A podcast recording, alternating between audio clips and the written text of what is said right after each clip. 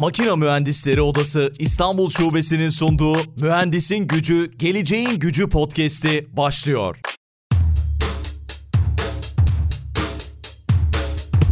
Mühendisin Gücü, Geleceğin Gücü podcast'inden herkese bir kez daha merhaba. Bu bölümde yeni dalga göçü konuşacağız. Konuğum da şu anda Almanya'da Gözde Kara. Gözde Hanım karşımda.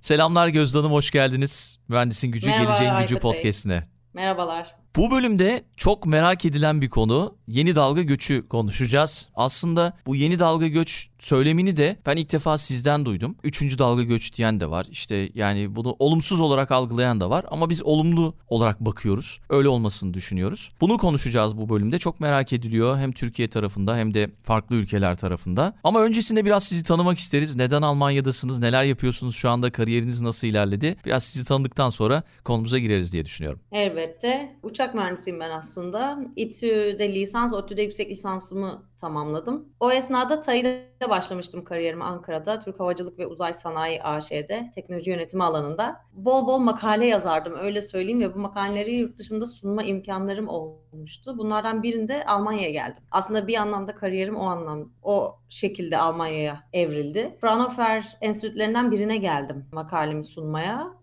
Orada enstitüyle çok güzel anlaştım diyeyim ekiple ve kendime bir stajyer pozisyonu buldum. Yani aslında TAİ'de çalışırken bir stajyer pozisyonuna tav oldum diyeyim. Harika. İstifa edip Almanya yoluna çıktım. Ya oldukça zor bir süreçti tabii çünkü işini bırakıp yeni başlamış kariyerini bırakıp stajyer olarak Almanya'ya gelmek e, zordu ki Almancam da sadece başlangıç seviyesiydi. Öyle bir zorlu süreci atladım. Şu anda iyi mi bu Şimdi arada? e, tabii yani devlet kurumlarıyla ya da standart sosyal hayatımda temel ihtiyaçlarımı karşılayacak kadar konuşuyorum. Yani B1 seviyesi deniyor zaten buna. O seviyedeyim. Harika. Ama işimde kullanmıyorum. İşimde İngilizce devam ediyorum. He, onu Gelişimin konuşacağımız için başta diyelim. sordum. Aynen. Peki. Süper. Devam edebiliriz. Böyle başladı yani. Çeşitli yerlerde çalıştım. Önce enstitüde dediğim gibi ardından AB projeleri yapan bir KOBİ'de çalıştım. AB projelerine destek veren. Ondan sonra da şu anki iş yerim olan Daimler'e geçtim. Yaklaşık 4 senedir Daimler'deyim. IT alanında çalışıyorum. İşte dijital transformasyon, inovasyon yönetimi çalıştım ilk dönem. Şimdi operasyon üzerine, operasyon yönetimi üzerine çalışıyorum. Yani profesyonel anlamda bu şekilde bahsedebilirim. Almanya'ya yolculuğum. 6 sene geçmiş. Onu fark ediyorum. Herhalde Epey devam da olmuş. edecek gibi. Peki 6 sene öncesinden bu zamana kadar gerçekten yoğun bir şekilde Türkiye'den Almanya'ya göç olduğunu gözlemlemişsinizdir diye düşünüyorum. Yani bir değişim, Evet. büyük bir değişim var herhalde. Evet var. Yani benim geldiğim dönemde de vardı. Zaten yurt dışı her zaman popülerdi Türkiye'de okumuş, yüksek öğrenim görmüşler için. Özellikle belli başlı üniversitelerden mezunsanız zaten üniversiteler de sizi yurt dışına yönlendiriyordu. Dolayısıyla yurt dışı her zaman bir ilgi odağıydı. Almanya değildi aslında çok ilgi odağı. Normalde Amerika'ydı. Hani siz de belki bilirsiniz çevrenizden ama işte keza yakınlık olsun, keza Almanya'nın İngilizce öğrenime de dönmesi, uluslararası şirketlerin e, İngilizceye de dönmesi gibi sebeplerle Almanya da çok çekici hale geldi. Ve biz 2016-2017 yıllarından sonra hani çok ciddi Almanya'ya göçün arttığını gördük. Sadece İngilizce lisanıyla da olsa Almanya'ya gelen ciddi bir e, kesim gördük. Bu tabii yıllar içinde daha da arttı çeşitli sebeplerle. Hele bu senelerde ve geçtiğimiz iki sene içinde zannedersem bu lise seviyesine düştü. Yani artık belli başlı liselerden mezun olan kişiler doğrudan yurt dışına geçiyorlar. Hatta yanılmıyorsam ya Avusturya Lisesi ya Alman Lisesi %90 oranında mezununu yurt dışına veriyor Evet. diyelim. Yani bu kişilerin Evet. hepsi üniversite öğreniminde yurt dışına çıkıyorlar. Ciddi bir artış var. Evet hatta İstanbul Erkek Lisesi de vardı yanılmıyorsam o şeyin içinde. Orada da çok yüksek bir oran var. Evet. Çünkü dil öğrenimi aldıkları için bu kişiler çok yetkin oluyorlar. Almanya, Avusturya gibi ülkelere çok rahat geçebiliyorlar. Alman kültürüne yakın Türkiye'de öğrenim görenler Almanya'yı tercih edebiliyor doğal olarak. Yani Hı hı. gerçekten ilginç. Bir de mesela dil konusunda da artık Almanya'nın o kadar muhafazakar olmaması bu da bir etken olmuş durumda. Yakın olması, onun dışında Kesinlikle. yani çalışma şartlarının değişmiş olması diyelim biraz daha. Etkili Ve bu korona durumda. süreci de bunu e, aslında o anlamda etkiledi. İnsanlar artık uzak mesafelere, yani kariyerleri ve öğrenimleri için uzak mesafeye gitmeyi pek tercih etmiyorlar. Böyle anladık, böyle görüyoruz birazcık. O yüzden Avrupa çok daha ilgi çekici ve Avrupa'da da bildiğiniz üzere Almanya bu konuda başı çekiyor Yani çok ciddi evet. bir nitelikli iş gücü ihtiyacı olduğunu zaten e, çeşitli konumlardaki devlet yetkilileri söylüyorlar. Bu da tabii göçü hızlandırıyor. Karşılıklı bir beklenti var hem Almanya tarafından hem de göç etmek isteyenler tarafından. Bir de şey tabii koronanın şöyle de bir güzelliği oldu. Geçen hafta bir mühendis beyefendiyle yaptığım sohbette Stuttgart'ta kendisi normalde yaşıyor ama şirketten izin aldığını ve bir senedir Türkiye'den çalıştığını ve işte korona sürecinde de Türkiye'den devam edeceğini söyledi. Böyle güzel şeyler de yaşayabiliyoruz. Yani bu sadece hani Türkiye'de olanlar için değil. Belki Polonyalı var, belki işte Yunanistan'dan birisi var. Hani farklı ülkelerinde gidip kendi ülkelerinden çalışanlar da olabiliyor. Böyle bir durum söz konusu. Yeni dalga göç dediğimiz şey bunu nasıl tanımlarsınız? Nasıl tanımlıyorsunuz? Çünkü ben açıkçası bunu ilk defa sizden duydum bu söylemi. Güzel, hoşuma da gitti açıkçası. Çünkü üçüncü dalga göç deniyordu. Hatta dördüncü dalga, beşinci dalga bu koronavirüsün dalgaları gibi bir şey herhalde. Ya mutlaka bunun hani teorik anlamda o tarz bir sayılımı vardır. Hani e, ona hakim değilim ama bizim takip ettiğimiz kadarıyla işte Almanya'da şu an bizim bir network grubumuz var. Tamamen bu yeni dalga göçe hitaben kurduğumuz. O nedenle hani onu biraz daha basitleştirerek kullanıyoruz ama 1, 2, 3, 4 mutlaka o kırılım vardır. Ama neden buna yeni dalga deniyor? Onu hani literatürsel anlamda açıklamak gerekirse bu ilk göç kavramı en azından Türkiye'den Almanya için konuşuyorum. Hani sizin de bildiğiniz üzere ve çok konuşulduğu üzere 1960'larda başlıyor. Hatta o 60. dönem yıl bu sene. Aynen. Evet. 60. yılını da artık kutluyoruz mu diyeyim 60. yılına mı geldik diyeyim bilmiyorum. Evet. Doğru kelime nedir burada? O yıl Türkiye ve Almanya arasında imzalanan bu iş gücü anlaşması kapsamında bir göç başlıyor. Yani çok belli bir süreye dayalı, belli bir iş gücü tipine dayalı bir göçten bahsediyoruz. Belli bir sene sonra da bitmesi planlanan. Fakat tabii bu daha sonra Almanya tarafından özellikle şirketler, özel sektör tarafından bu kişilerin geri dönmesinin müthiş bir sıkıntı yaratacağının ortaya konmasıyla bu anlaşmanın ucu açılıyor. Normalde belli bir süreli olan anlaşma şu an hala açık. E 70'lerde bu göç artık aile birleşimine dönüyor. 60'larda gelenlerin aileleri, işte akrabaları da gelmek istiyorlar. Böyle bir yeni bir göç tipi başlıyor. 1980'lerde biraz bu darbe sonrasında siyasal göç denen bir yere evriliyor göç. 1990'larda etnik göç denen çoğu terörle ilişkili, terör sebepli bir göç başlıyor. Ee, ama bunların sayıları tabii çok daha nispeten görece az. 2000'lerde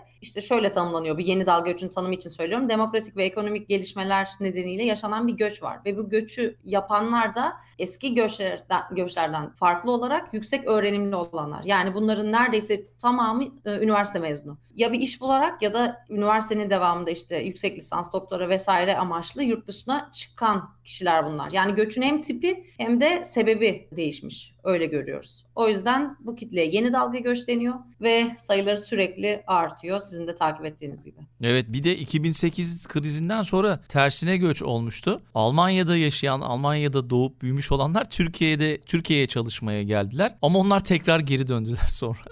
Evet yani bir... öyle akademik çalışmalar var haklısınız. Ya, peki Türk Mimar ve Mühendisler Birliği yüksek öğrenim görmüş Türk Göçmenler Çalışma Grubu'nda aktif bir şekilde çalışmalar yapıyorsunuz ve evet. bizimle de çok işbirliği içerisinde oldunuz. Bir kez daha çok çok teşekkür etmek istiyorum. Çok değerli insanları tanıştırdınız. Sizin sayenizde podcast'te çok güzel kişileri ağırladık ve onların deneyimlerini burada Türkiye'deki ve dünyanın her yerindeki kişilere paylaşma şansını yakaladık. Biraz bu çalışma grubundan bahsedelim. Neler yapıyorsunuz? Bu çalışmayı yapmanızın nedeni nedir? Neden böyle bir şey hissettiniz? Gerek hissettiniz? Aslında ilk sebebi bunun kendimiz gibi bizimle benzer ihtiyaçlar nedeniyle yurt dışına çıkmış kişilerle bir arada olmak. Yani yurt dışında olmanın getirdiği birçok sıkıntı, birçok avantaj, dezavantaj var ve bunları paylaşacak bir kitle arıyorsunuz. Evet Almanya'da çok fazla dernek var, çok fazla Türk oluşumu var. Fakat bu yeni dalga göçün getirdiği farklı beklentiler, ihtiyaçlar var. Ve bu kişilerin çoğu benzer üniversitelerden mezun, benzer liselere gitmiş, benzer hayat kaygıları yaşayan, benzer kariyer kaygıları yaşayan kişiler.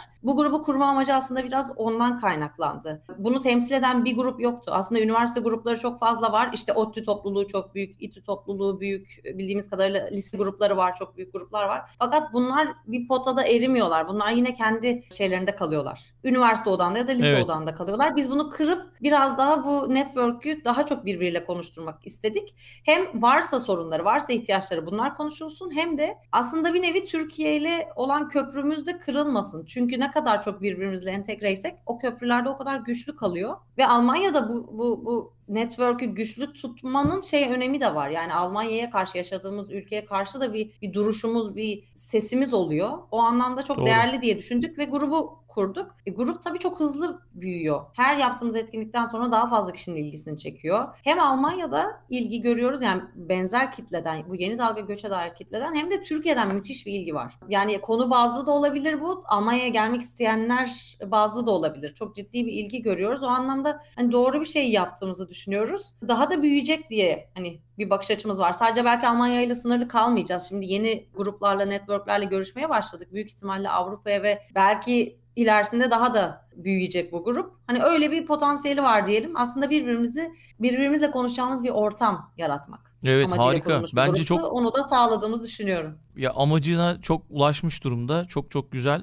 hatta farklı ülkeleri de dahil etmek mantıklı diye düşünüyorum. Onları da dahil edersek güzel olur. Tabi Almanya burada başı çekiyor. Hani ilk önce burada en kalabalık olduğumuz yer Almanya ve zaman zaman da yaptığım konuşmalarda işte insanlar şey diyorlar hani biz burada çok fazla güçlü değiliz. Hani lobi Hı. anlamında çok güçlü değiliz Türk diasporası. Ama işte son yıllar içerisinde değişen bir göç var yani bunu şey olarak küçümsemek istemiyorum. Yani yüksek öğrenimli göçlerin çok daha fazla arttığını gözlemledim en azından son iki yıldır. Hı hı. Ve bunu Almanlar da söylüyormuş ve hani bu, bazıları da bunu eleştiriyor. Almanlar kesinlikle böyle bir şey demez. Hani insanları ayırmaz gibisinden. Ama onlar da bu farkı hissetmeye başlamışlar açıkçası. Sonuçta burası da bir göçmen ülkesi olduğu için onlar bütün göçmenleri çok daha iyi yakından tanıyorlar. Yıllardır da birlikte çalış, e, birlikte beraber yaşıyorlar. Dolayısıyla bu farkı da onlar da hissediyor ve işte sizin de oluşturduğunuz bu topluluklarla da daha güçlü bir şekilde ilerleyebiliriz diye düşünüyorum açıkçası. Ya tabii o dediğinize belki şöyle bir girdi yapabilirim. Her ülkede vardır. Bu mutlaka e, ayrımcılık var. Yani ben olmayan bir ülke ol- olacağını zannetmiyorum. Dolayısıyla tabii ki Almanlar da o ayrımı yapıyorlar. Hatta hani siz çok hakimsinizdir, duymuşsunuzdur. Sen hiç Türkiye benzemiyorsun. Ee, evet. Bu, bu cümle bu cümle yüksek öğrenimli Almanlardan gelen bir cümle. Yani aslında ayrım buranın yüksek öğrenimlisi tarafından yapılıyor. Yani burada üniversite okumuş bir Alman size diyor ki sen hiç Türkiye benzemiyorsun. Aslında çok ciddi bir burada sosyolojik sıkıntı var. Bu hep şöyle denirdi. Neden bu konu gündeme geliyor ayrımcılık konusu? Çünkü insanların işlerini belki de ellerinden alıyoruz. Hani böyle bir çekişme durumu olduğu düşündürdü Almanya'da ama aslında durum o, öyle değil. Durum her seviyede var. Yani herhangi bir Almanı çevirip sorsanız Türklerin göçüyle ilgili durumu mutlaka bu ayrımdan size bir şekilde bahsedeceklerdir. Bu hem iyi hem kötü. Hani iyi kısmından bahsetmeyeyim ama kötü kısmı tabii şöyle bize daha çok sorumluluk düşüyor. Yani buradaki mevcut Alman dernekleri oluşumlarına düştüğü kadar buradaki jenerasyonun devamı, Türk jenerasyonun devamına bu görev düştüğü kadar bize yeni gelenlere de düşüyor. Biz şöyle bir sıkıntı yaratıyoruz Aykut Bey. Belki hani e, önceki görüşmelerinizde almışsınızdır bu bilgiyi.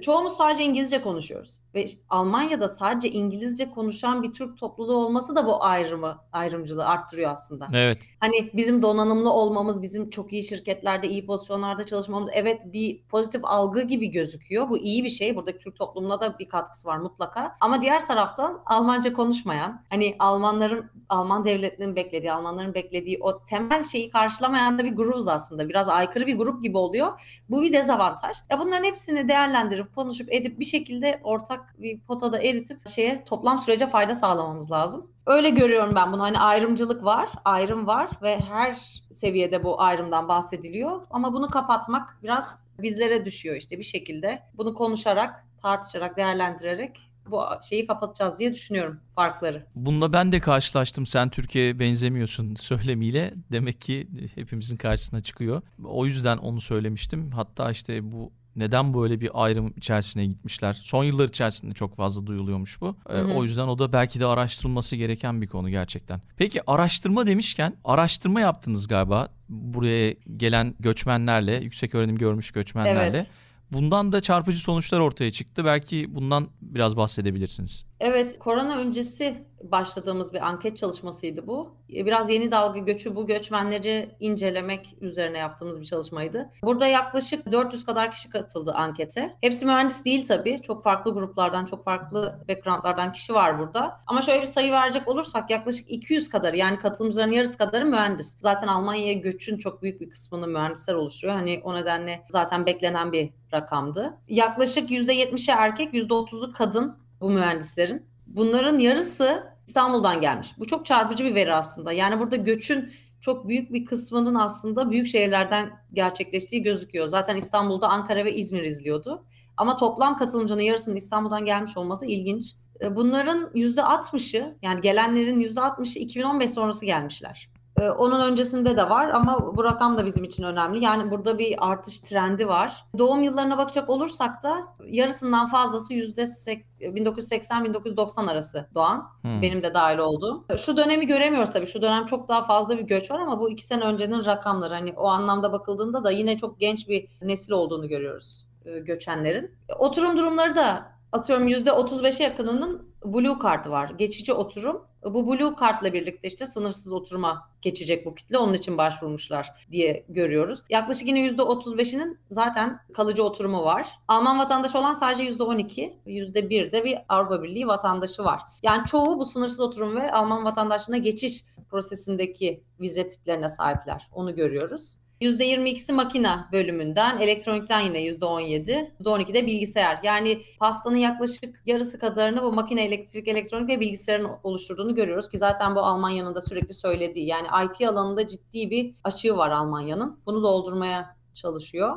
Yine bu bahsettiğimiz mühendis grubun yüzde 35'e yakını otomotivde çalışıyor beklendiği gibi. %28'i de IT'de. Aslında çok fazla alanı var Almanya'da mühendislerin çalışabileceği alanlara baktığımızda. işte kimya var, benzeri bir dolu alan var fakat bunları görmüyoruz biz listede. Daha çok otomotiv ve IT'yi görüyoruz. O da gerçekten Almanya'nın ihtiyacı. Çok örtüşüyor yani Almanya'nın ihtiyaçlarıyla bu göç profili. Evet evet yani özellikle şu anda Türkiye'den Almanya'ya ya da Avrupa'nın çeşitli yerlerine gelmek isteyenler varsa iş ilanlarına bakabilirler. İşte yapay zeka Hı-hı. konusu, veri bilimi, veri analisti, işte artırılmış gerçeklik, sanal gerçeklik bu tip konularda çok fazla. Özellikle veri konusunda inanılmaz bir talep olduğunu düşünüyorum. Evet. Yani o beni Almanya şaşırtıyor. o konuda biraz geriden geliyor çünkü e, kişisel verilerin korunması konusu evet birçok ülkede çok önemli ama Almanya'da bir tık daha önemli. Yani burada o verileri kullanıma açmak, verileri kullanılabilecek formata getirmek çok ciddi süreçler istiyor. Sanırım o sebeple yani çok geç kalınmış bir şey var, uzmanlık var. Şimdi onu kapatmak istiyor Almanya. O yüzden evet. çok ciddi bir ihtiyaç var. Yani e, şey belki girişimciler için de bu bir fırsat olabilir. Dijitalleşme Hı-hı. alanında biraz geriden geliyor Almanya. Nasıl diyebilir Hı-hı. insanlar? Hani tuhaf gelebilir ama öyle. Hani biz bunu yaşıyoruz, görüyoruz. Özellikle devlet dairelerinde. Çok da sık bahsediyorum ben yayınlarımda. Belki Hı-hı. bu bir fırsat olabilir. Yani herkes için, Türkiye'deki girişimciler için, iş yapmak. İsteyenler için. Böyle bir fırsat var burada yani dijitalleşme konusunda. Şirketlerin Hı-hı. dijitalleşmesi, süreçleri konusunda. Bu alanda da çok fazla iş gücü ihtiyacı gelecek yıllarda olacaktır diye düşünüyorum. Bir de bir parantez KVKK konusunu yani kanunu dünyada yanılmıyorsam ilk defa ortaya çıkaran Almanlar. Dolayısıyla onlar ortaya çıkardığı için bu kadar bu konuda hassaslar. Ama işte evet. o da birçok şeyi geride bırakıyor anladığım kadarıyla.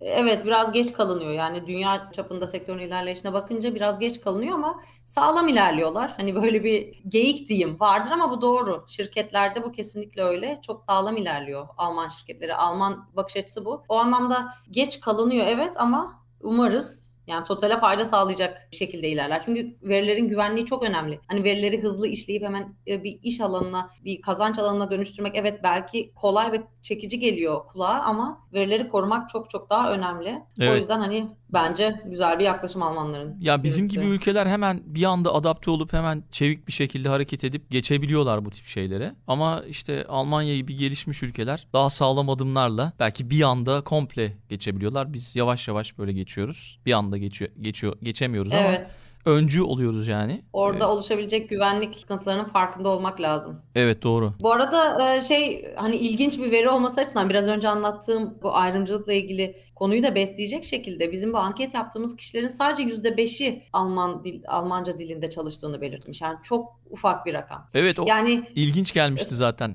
Aynen. Ya genelde şöyle Almanca, İngilizce çalışan yüzde yetmiş ama bu şunu gösteriyor. Yani herkes burada Almanca öğrenmeye başlıyor. Yani bir Almanca bilgisiyle gelen ve bunu diline tamamen adapte etmiş, işine tamamen adapte etmiş olan sadece yüzde beş. Oldukça küçük bir rakam. Ki zaten şey de çok şaşırtmıştı. Yani çoğunun Almanca kullanmaması hatta işte o öğrendikten sonra da ilerleme kaydedemeyen de çok fazla var. Neden ilerleme kaydedemiyorsun diye sorduğumda çünkü gerek yok kullanmama ben İngilizce kullanıyorum çalışırken demesi evet. o da beni çok şaşırtmıştı. Tamam belki günlük hayatta konuşabilecek kadar kullanabiliyor işte markete gittiğinde ya da işte hı hı. herhangi bir mağazaya gittiğinde alışverişini yaparken veya insanlarla kafede otururken sohbetini yapabiliyor ama işte kullanmaması çok bana tuhaf gelmişti. Tuhaf değil aslında belki normal yani hayatın gereği bu böyle artık. Burası bir göçmen ülkesi. Onu da zaten Almanlar kabullenmiş artık. Evet kesinlikle. Sonuçta her çalışanın olduğu gibi biz de kullanacaksak ikinci e, dilimizi kullanmak istiyoruz. Hani işi daha iyi yapabilmek için açıkçası. Şimdi bizden üçüncü dil talep edildiği zaman o tabii ki biraz işi zorlaştırıyor. Yani şirketteki diğer kişiler ana dilinde konuşuyor ve siz üçüncü dilinizde konuşmak zorunda kalıyorsunuz. E, bu çok zorlayıcı. O yüzden o eşitliği sağlamak için de bu yeni dalga göçmenler bunu ciddi anlamda zorluyorlar ve ben başarılı olduklarını düşünüyorum. Birçok şirkette, tabii bunlar genelde uluslararası şirketler oluyor. Birçok şirkette bu kırılmaya başladı. Artık ana dil İngilizce diye geçiyor şirketlerde. Almanca olarak geçmiyor. Aa, bu bence bu. önemli bir önemli bir başarı. Umarım bu hani diğer küçük şirketlere de yayılır. Bu sayede ben Almanya'nın çok daha fazla göçmen çekebileceğine eminim. Bir de şöyle diğer ülkelere göre avantajımız da şu. Yani kapınıza bir postacı geldiğinde işte hiç Almanca bilmiyorsanız diyelim ki Almanca konuştu sizinle. Almanca bilmiyorum dediğinizde, Türkçe ya da İngilizce biliyorum dediğinizde şey diyebiliyor hemen size. Tamam o zaman Türkçe devam edelim e, evet. diyebiliyor. Yani bununla ben çok fazla evet. karşılaştım. Veya işte korona testi yaptırmaya gidiyorsunuz. Almanca ya da İngilizce ya da Türkçe biliyorum dediğinizde yine aynı şekilde tamam Türkçe o zaman size karşılık veriyor. Bu da çok güzel evet, bir şey yani. Belki, Dünyada Kesinlikle belki haklısınız. çok kolay bulamayacağınız bir şey. Almanya'nın bir de öyle bir avantajı var. Evet. Bu da benim dikkatimi çeken bir başka konuydu. Peki şey şu anda aklıma geldi. Mesela en çok sizin yaptığınız yayınlarda çok güzel böyle konuklarınız oluyor. YouTube üzerinden Hı-hı. de takip edebiliyoruz bu arada. Herkese de açık bir şekilde. Mesela Hı-hı. orada en çok hangi sorularla karşılaşıyorsunuz Türkiye tarafından veya Almanya tarafında en çok neler danışılıyor? Yardım isteniyor evet. ya da. Almanya tarafında yani vize konuları çok sıkıntılı olabiliyor.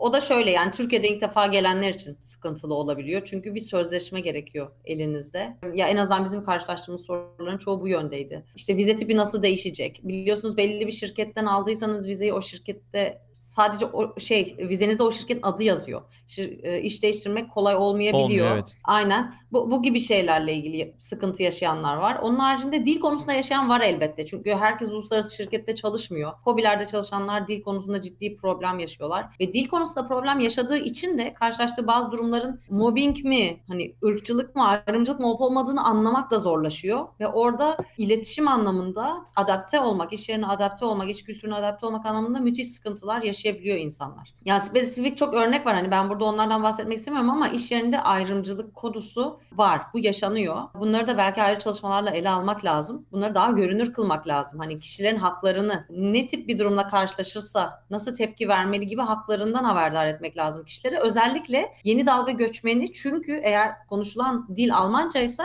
kaçırabiliyorsunuz yaşanan ya da konuşulan o sırada muhabbet edilen ayrımcılığı. Bunlar önemli. Hani evet. bunlar yaşanıyor. Bir de şu konu çok önemli karşılaşıyoruz biz. Buraya yeni gelenler eğer ki Türkiye'de bir şirket üzerinden geçiş yapıyorsa bazen pozisyonlarında düşürme oluyor ve tabii ki maaşları da yani hak etmediği bir maaşla başlama durumları oluyor. Bunlar yaşanılan örnekler. Şimdi biraz daha düzeltiliyor çünkü e, farkındalık arttı. İnsanlar bunları konuşuyorlar ve bunlara karşı çıkıyorlar. O yüzden bu durum biraz düzeldi ama hala olduğunu biliyorum ben. Eğer bir şirket üzerinden geçmiyorsanız yeni bir şirkete başvuruyorsunuz da tabii ki yani şey açısından bakıyorum. Kapitalist anlamda bakıyorum. Şirket tabii ki ucuza almak istiyor iş gücünü. O yüzden ve siz de göçe o kadar çok isteklisiniz ki onu kabul etmek durumunda kalabiliyorsunuz. Böyle durumlar da çok fazla var ve bu tabii üzücü. Yani kişi hak etmediği bir ücrete geliyor ya da hak etmediği bir pozisyona geliyor oluyor. Bunlar en çok e, bizim karşılaştığımız konular. Onun haricinde çok fazla dışarıda ayrımcılık, ırkçılık böyle şey yaşayan kişiyle karşılaşmıyoruz. Anket sonuçlarımız da onu göstermiyor zaten. Daha rahat adapte olduklarını söylüyorlar. İngilizce dilinin kapı açtığını söylüyorlar. Hani o anlamda daha çok yaşanan iş yeriyle ilgili ve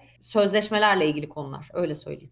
Bunlar ama belki her yerde olabilecek şeyler. Türkiye'de de olabilir, farklı ülkelerde de olabilir. Hı hı. Ama yine de tabii o İngilizceyi bilme, işte yüksek öğrenimli olma onlar artı durumlar diye o bir özgüven veriyor. Evet, evet yani belki de orada şöyle bir ayrım var. Almanların pek alışık olmadığı, belki de bizi o yüzden ayırmaya gittikleri konulardan birisi de bu. Normalde e, ilk göçün yaşandığı döneme bakılırsa hani orada çok fazla bir hakkı yendiğinde baş kaldıran bir kitle olmama durumu çok normal. Çünkü sizi ülkeniz göndermiş belli bir süre çalışıp geri geleceksiniz. Hani bir nevi bir sorumluluğunuz var. Sonra onların jenerasyonları için de benzer bir durum söz konusu oldu. Fakat bu dönem yeni dalga göçle gelenlerin hepsi tamamen kendi yetkinliklerine dayalı geliyorlar. Yani diyorlar ki ben şu konuda uzmanım. Şu şirket beni kabul etti. Bana sözleşme verdi. Ben geldim. Yani müthiş bir özgüvenle geliyorlar. Evet. O yüzden Almanlar da şaşırmış durumda. Hani ben o noktadaki farklılığın sebeplerinden birini de bu olarak görüyorum. Yeni gelenlerde müthiş bir özgüven. Tabii bu özgüvenin altı boş değil. Donanımlı geldikleri için ve dilleri olduğu için Orada bir şok etkisi yarattığını düşünüyorum Almanlarda bu geçtiğimiz son 5-10 senelik süreç içinde. Bu da iyi bir şey. Buraya gelen yabancıların kabulünü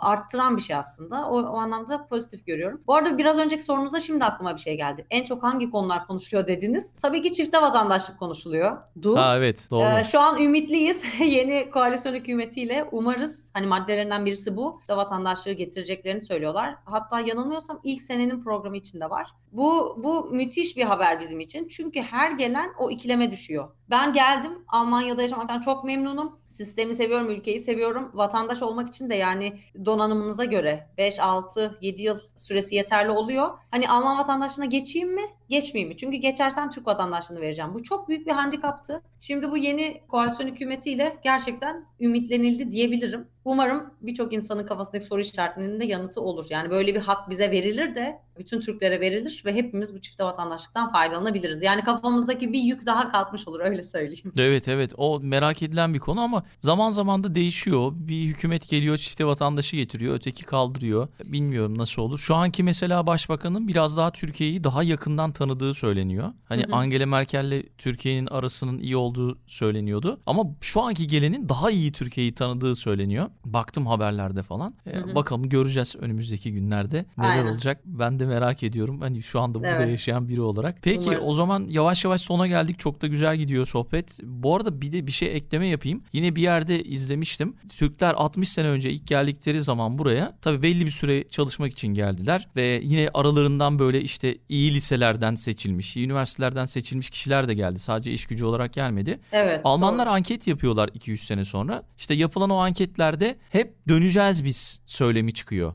Yani sonucu çıkıyor ortaya. Belli bir zaman sonra bakıyor Almanlar. E kimse dönmüyor ülkesine. Burada bir terslik var diyorlar. Niye bu anketlerde döneceğiz diyorlar ama dönmüyorlar ülkelerine. Sonra yine bir araştırma yapıyorlar. Ya oradan şöyle bir sonuç ortaya çıkıyor. Biz döneceğiz dersek yani Türkler psikolojik olarak hem psikolojik olarak yani biz geri döneceğiz dedikleri hı hı. zaman kendilerini iyi hissediyorlarmış. Hem de Almanlar bize o zaman iyi davranırlar.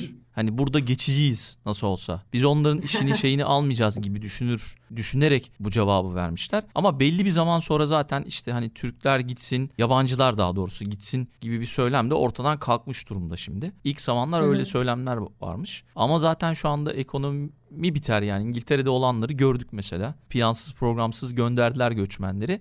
Dolayısıyla zorluk çektiler. Böyle bir onu da bir yerde dinlemiştim yanılmıyorsam. Onu da bir belirtmek istedim. Son olarak bir sorum daha var. Odalar ve Tabii sivil ki. toplum kuruluşlarıyla ilgili. Bunların bu kuruluşların etkilerinden bahsedelim. Aslında bahsettik biraz sizin topluluğunuz da çok önemli. Makine Mühendisleri Odası İstanbul Şubesi birlikte güzel işbirliği de yaptık. Hı hı. Topluluklara bakış açınız nasıl yurt dışında nasıl bakılıyor? Belki biraz bundan bahsederiz sonra da veda ederiz. Yani Almanya genelinde bakarsak Almanlar için söylüyorum. Burada sivil topluma entegre olmak çok güçlü bir kavram. Yani kime sorsanız mutlaka bir derneğe üye. Bu bir spor derneği de olabilir, bir e, çevre derneği de olabilir. Sizinki hani şu an içinde bulunduğumuz gibi bir mühendislik odaklı bir dernek olabilir vesaire vesaire. Çok fazla dernek var. E, yani sivil toplum o anlamda çok güçlü ve bunlar etkinlerde. E, seslerini yükseltebiliyorlar, basın duyuruları yapabiliyorlar. Yani o yüzden de zannedersem Almanlar dahil olmaktan çekinmiyor. Çok aktif bir sivil toplum var Almanya'da. E, Türklere dönecek olursak tabii yani bilmiyorum öyle bir liste vardı oldukça uzun bir liste. Burada Türklerin kurduğu özellikle geçtiğimiz göç dönemlerine özel olan çok fazla dernek var. İşte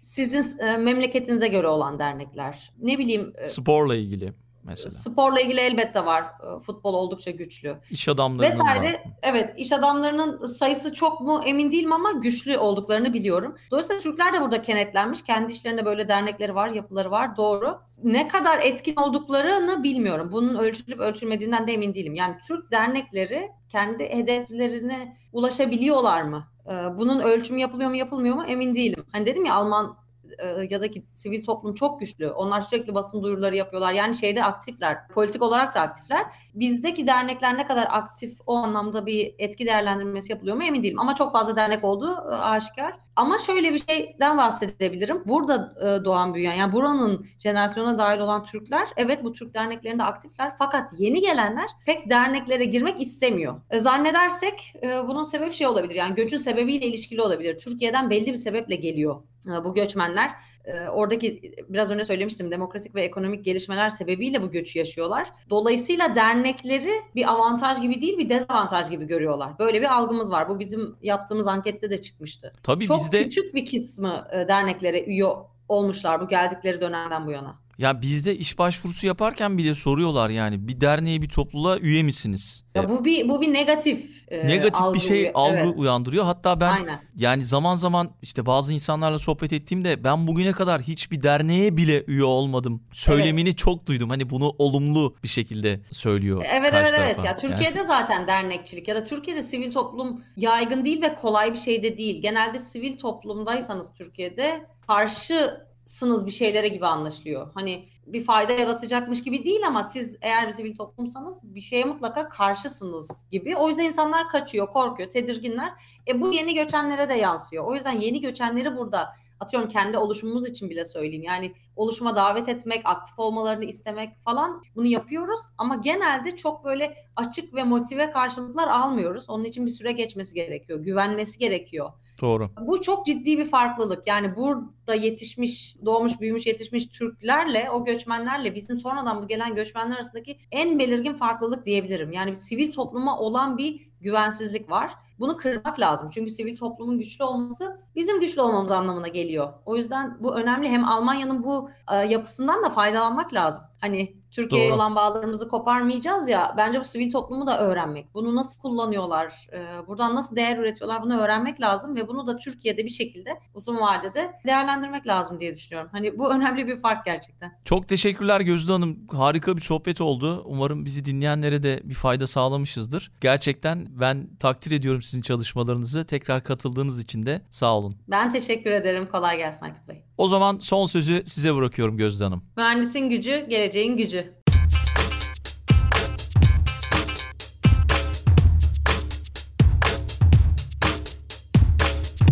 Makina Mühendisleri Odası İstanbul Şubesi'nin sunduğu Mühendisin Gücü, Geleceğin Gücü podcast'i sona erdi.